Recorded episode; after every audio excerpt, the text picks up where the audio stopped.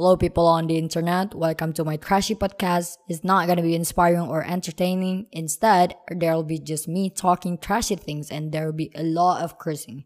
So I am really sorry if that bothers you. So why I started a podcast is because I've always been talking to myself because I don't have someone to talk to, okay? I know, I know, I know. I, I it's it's pretty sad, I know. And I actually always record myself if I want to have a conversation with myself. But somehow I always delete the file because a video is a pretty big file. So why don't you just record in MP3 file, bro? Why? I do want, but I always end up not listening to it again. So I hope this podcast will help me to reflect my life whenever I need it to.